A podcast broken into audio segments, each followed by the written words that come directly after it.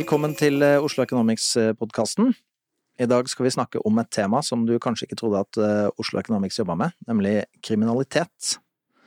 Og et spørsmål som eh, blir belyst i en ny rapport fra Oslo Economics sammen med Manu Deep Myrli og Ole Røgeberg, det er om straff egentlig virker, og hva som er effekten av å komme i fengsel. Og For å snakke om det, så har jeg med meg Kristoffer Putz. Hei, hei. Du er senior economist i Oslo Economics og har jobba med dette prosjektet ganske lenge. Jeg har jobbet med det ganske lenge. Det jo, nå har jeg jobbet i Oslo Economics i tre år. Og det er vel eh, Det var vel et av de første prosjektene jeg var med å vinne, så vi har hatt det ganske lenge. Men det har Mhm. tatt tid å få data å komme i gang. Ja. Så Føler du deg som en ekspert på kriminalitet? Nei. Det er vel eh, noe med at eh, jo mer man vet, jo mer vet man at man ikke vet. Så Ikke sant, men du vet i hvert fall nok til å ha skrevet en eh, veldig bra lang rapport som dere nettopp har presentert for eh, både Justisdepartementet og flere andre, eh, som vi gjerne vil høre litt om.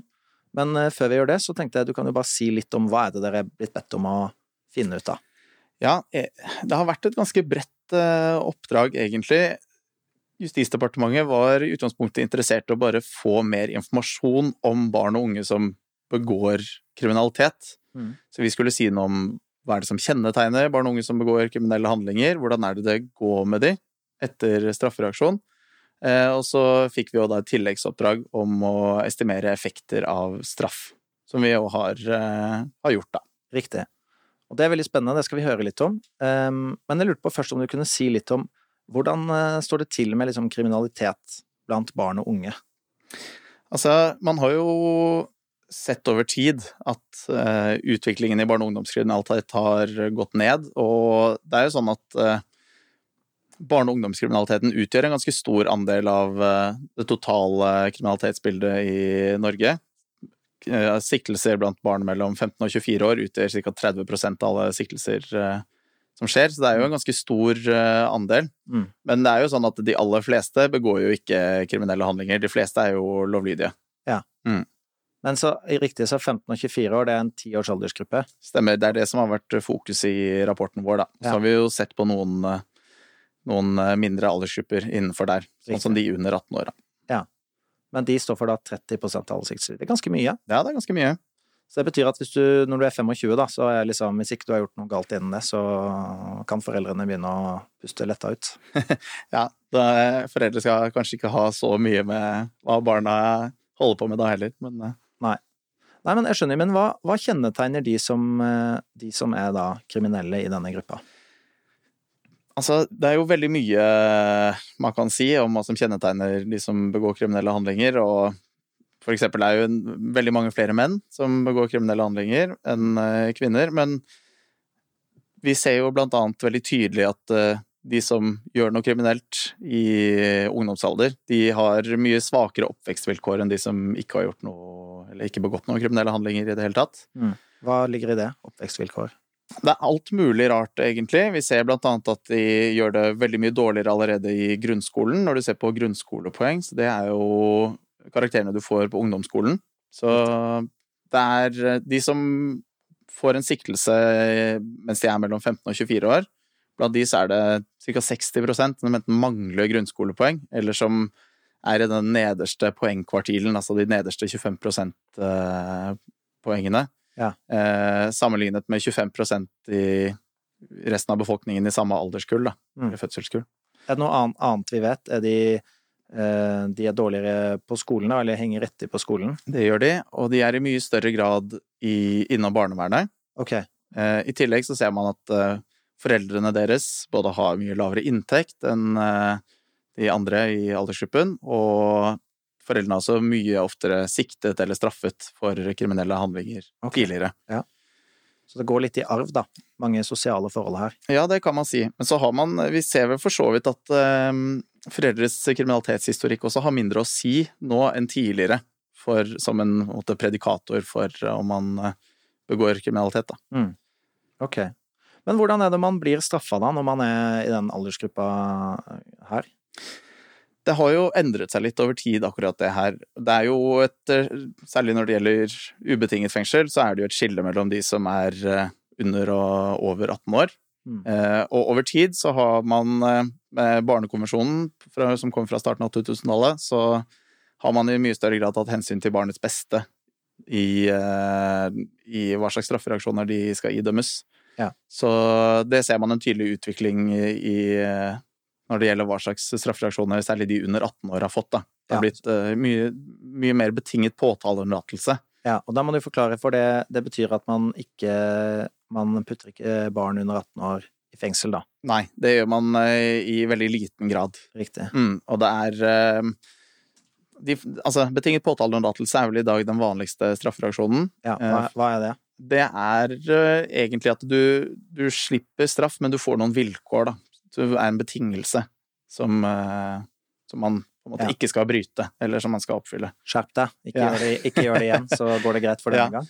Det kan jo eksempel være at man eh, skal eh, inn og måle alkohol, eller måle om man har uh, tatt rusmidler, da, Ja, ok. Mm. Mm. Sånn at du må avlegge sånne prøver hos politiet. Ja, for eksempel. Så, men eh, ok, så, så det er liksom litt forskjellige ulike former for eh, straff. Mm. Men eh, så da, når dere har sett på straff videre, da, så er det først og fremst de over 18 år dere har konsentrert dere om, da? Ja, det er det, og det er litt fordi det er ehm, Det er så få under eh, 18 år som ehm, blir idømt fengsel, ubetinget fengsel. Mm. Og ehm, det er en helt annen prosess for å idømme noen under 18 år ubetinget fengsel enn de som er over 18. Det er ganske sånn tydelig skille. Eh, Så ehm, sånn forskningsmessig så er det veldig vanskelig å kunne estimere effekter av eh, ubetinget fengsel for de under 18 år. Riktig. Så eh, dere har da et stort, en oversikt over veldig mange unge mennesker mellom 18 og 24 da, som har fått ulike typer straffer. Og så har dere sett på hvordan har dere gått med livene til de menneskene, litt avhengig av hvordan straff de får, da. Og hva er det, hva er det, dere, hva er det dere ser? Sånn gjennomgående, hvis du ser på alle som har blitt straffet eh, over ett, Mm. så ser man jo at de som har fått en straffereaksjon, de har også en mye svakere livssituasjon enn resten av befolkningen i samme fødselskull. Men de har jo også et dårligere utgangspunkt. Det, da vi så på disse bakgrunnskjennetegnene og oppvekstvilkårene, så er det jo veldig mye i bakgrunnen deres som, uavhengig av om de på en måte begår et lovbrudd eller blir straffet, som vil predikere at det går dårligere med de enn eh, at de Eller enn det, det at de har vært i fengsel, da. Så det er Ja, ikke nødvendigvis liksom, straffen i seg selv. Nei, så det er ikke sant. Kommer du fra en familie med litt vanskelige forhold, kanskje lav inntekt lav utdanning, så er det også sannsynlig at det går sånn med deg eh, resten av livet ditt, da. Det stemmer. Så hvis du bare ser på sammenhengen mellom hva slags straffereaksjon man har fått, og hvordan det går etterpå, så ser man jo at de som har blitt idømt eller ilagt de strengeste straffereaksjonene, det går dårligere med de enn de som er blitt ilagt eh, de mindre strenge straffereaksjonene. Ja. Men eh, om det skyldes straffereaksjonen i seg selv, eller om det er andre kjennetegn ved den personen, Mm. det, det kan vi ikke si noe om, eh, i hvert fall i de deskriptive analysene, da. Nei. Så ikke sant, det man eh, ofte hører, da, det er jo at eh, hvis du har gjort noe, noe dumt og havna i fengsel, så kommer du gjerne i fengsel igjen, da. Men det har kanskje å gjøre med bakenforliggende faktorer, det, da. Antakeligvis er det ganske mange faktorer som påvirker uh, hvorvidt du blir straffet på nytt eller ikke. Men, men eh, du, vi, vi prata om det tidligere, og da, da viste du meg en oversikt som viste at det er forskjell på de som da gjør noe eh, i ungdomsalderen, og så gjør noe kriminelt igjen, og de som gjør det bare én gang, og ikke senere. Det stemmer. Vi har gjort en analyse hvor vi ser på de som slutter å begå kriminelle handlinger eh, etter fylte 18 år. Så vi sammenligner de som begår kriminelle handlinger, eh, og som blir siktet før de fyller 18, med de som slutter, eller med de som fortsetter, og med de som slutter. Og da ser vi at eh, hvis du blir siktet før du fyller 18 år, men slutter med kriminalitet, så går det egentlig ganske fint med deg, i hvert fall med de målene vi har for livsløpsutfall, for eksempel yrkesinntekt, da. Mm.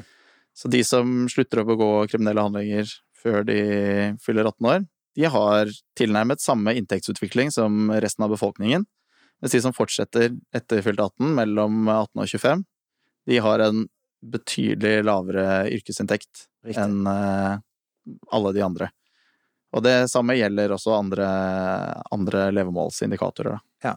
Mm. Så her bruker dere inntekt som et sånn slags mål da på en, sum av hvordan det har gått med deg, om du har vært i arbeidslivet, om du har utdanning, flere andre ting, da. Og man kan Yes. måle liksom inntekten gjennom livet. Det stemmer. Men vi har jo mange andre utfallsmål også. Mm. Så, ja, utdanningsdeltakelse, mottakelse av trygdeytelser, Mm. sånne type ting. Så vi har snakka litt om det at eh, det er mange ulike indikatorer som predikerer da om du kanskje ender med å bli kriminell eh, eller ikke. Um, Men så er det jo også det eh, som departementet var interessert i, da, som dere skulle svare på, nemlig hva er effekten av ulike straffetyper? Og kan du ikke si litt, litt først om hvorfor er det vanskelig å måle hva som er effekten av ulike former for straff? Ja, det ene det er jo at det handler litt om at det er ikke tilfeldig hva slags straffereaksjon du får. Nei.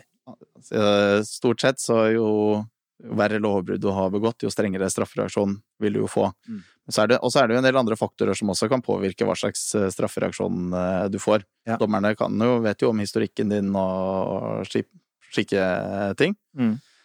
Um, så- så, det gjør det jo vanskelig å måle effekter av straff, Ja. stort sett. For som økonomer så hender det jo at vi eh, har store datasett, og så eh, i noen bransjer så har man eksperimenter, da, medisin for eksempel. Eh, hva er forskjellen på et eksperiment man kan gjennomføre eh, for en hvilken som helst annen sektor, da, og det man kan gjennomføre her?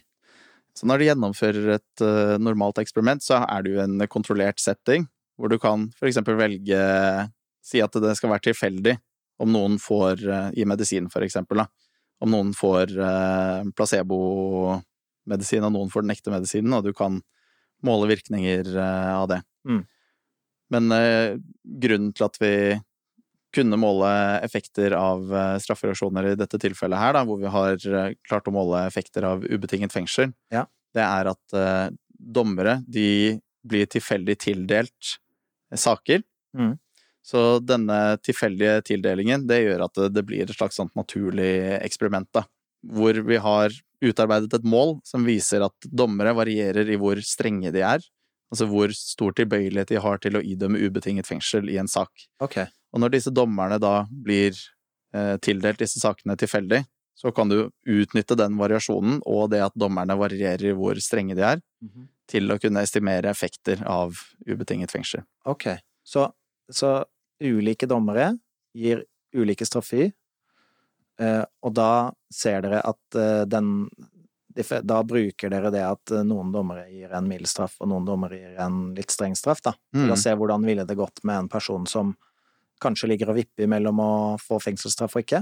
Det stemmer. Og det er, bare for å eksemplifisere det, så er det når vi har målt denne dommerstrengheten, så er det sånn at de aller fleste dommerne, de ligger litt på midten. Altså de er eh, har s- ganske like når det gjelder tilbøyelighet til å idømme ubetinget fengsel. Den ligger vel på omtrent 40, i 40% av sakene. Så idømmer de ubetinget fengsel. Mm. Men du har noen dommere som er i den eh, liksom ekstremstrenge skalaen, Mm. som idømmer ubetinget fengsel i ca. 60 av sakene. Men så har du også noen dommere i den andre enden av skalaen som idømmer ubetinget fengsel i ca. 30% av sakene. Okay. Og når disse dommerne da blir tildelt tilfeldig, så tidligere sier jo law of large numbers at eh, det skal ikke ha så mye å si, da, hva, når du skal sammenligne disse personene. Så da får du dette eksperimentet, da, som er på en måte fra virkeligheten. Det stemmer.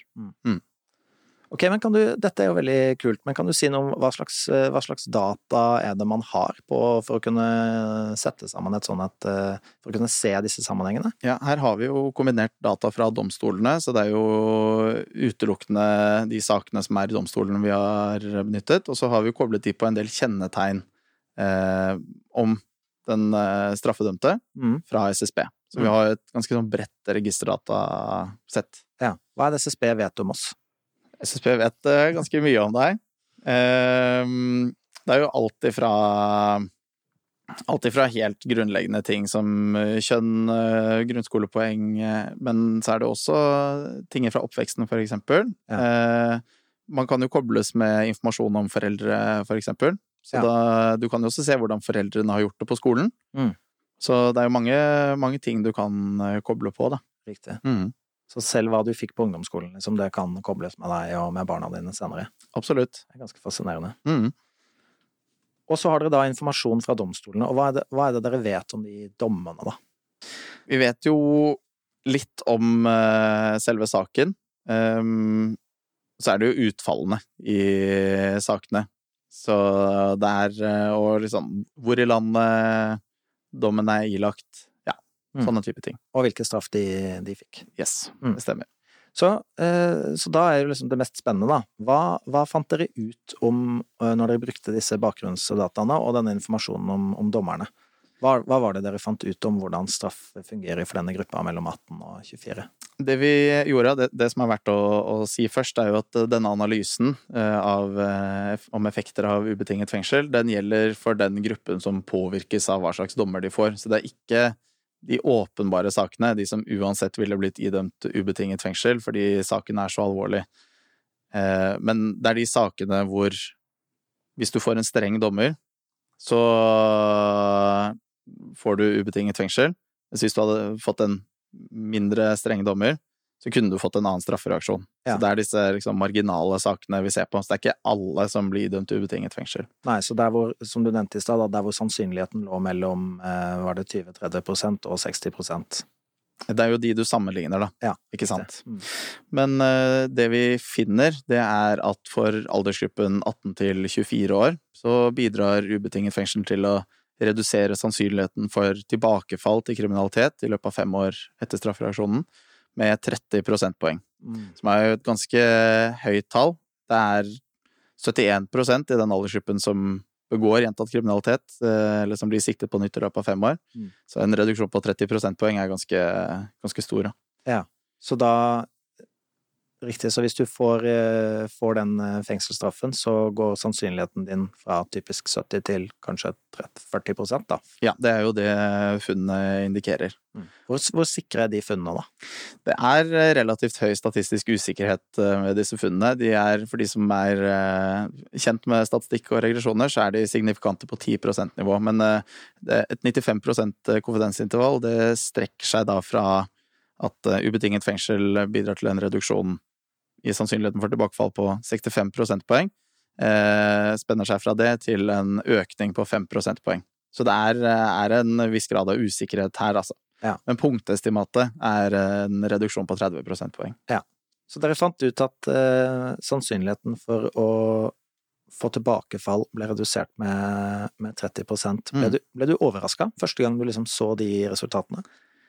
Med tanke på forskningen som jeg tidligere har sett, på området, så er jeg ikke overrasket, for jeg visste jo at uh, lignende ting har man funnet tidligere i norske data for uh, voksne personer. Men funnet i seg selv kan jo være litt overraskende, da, ja. tenker jeg.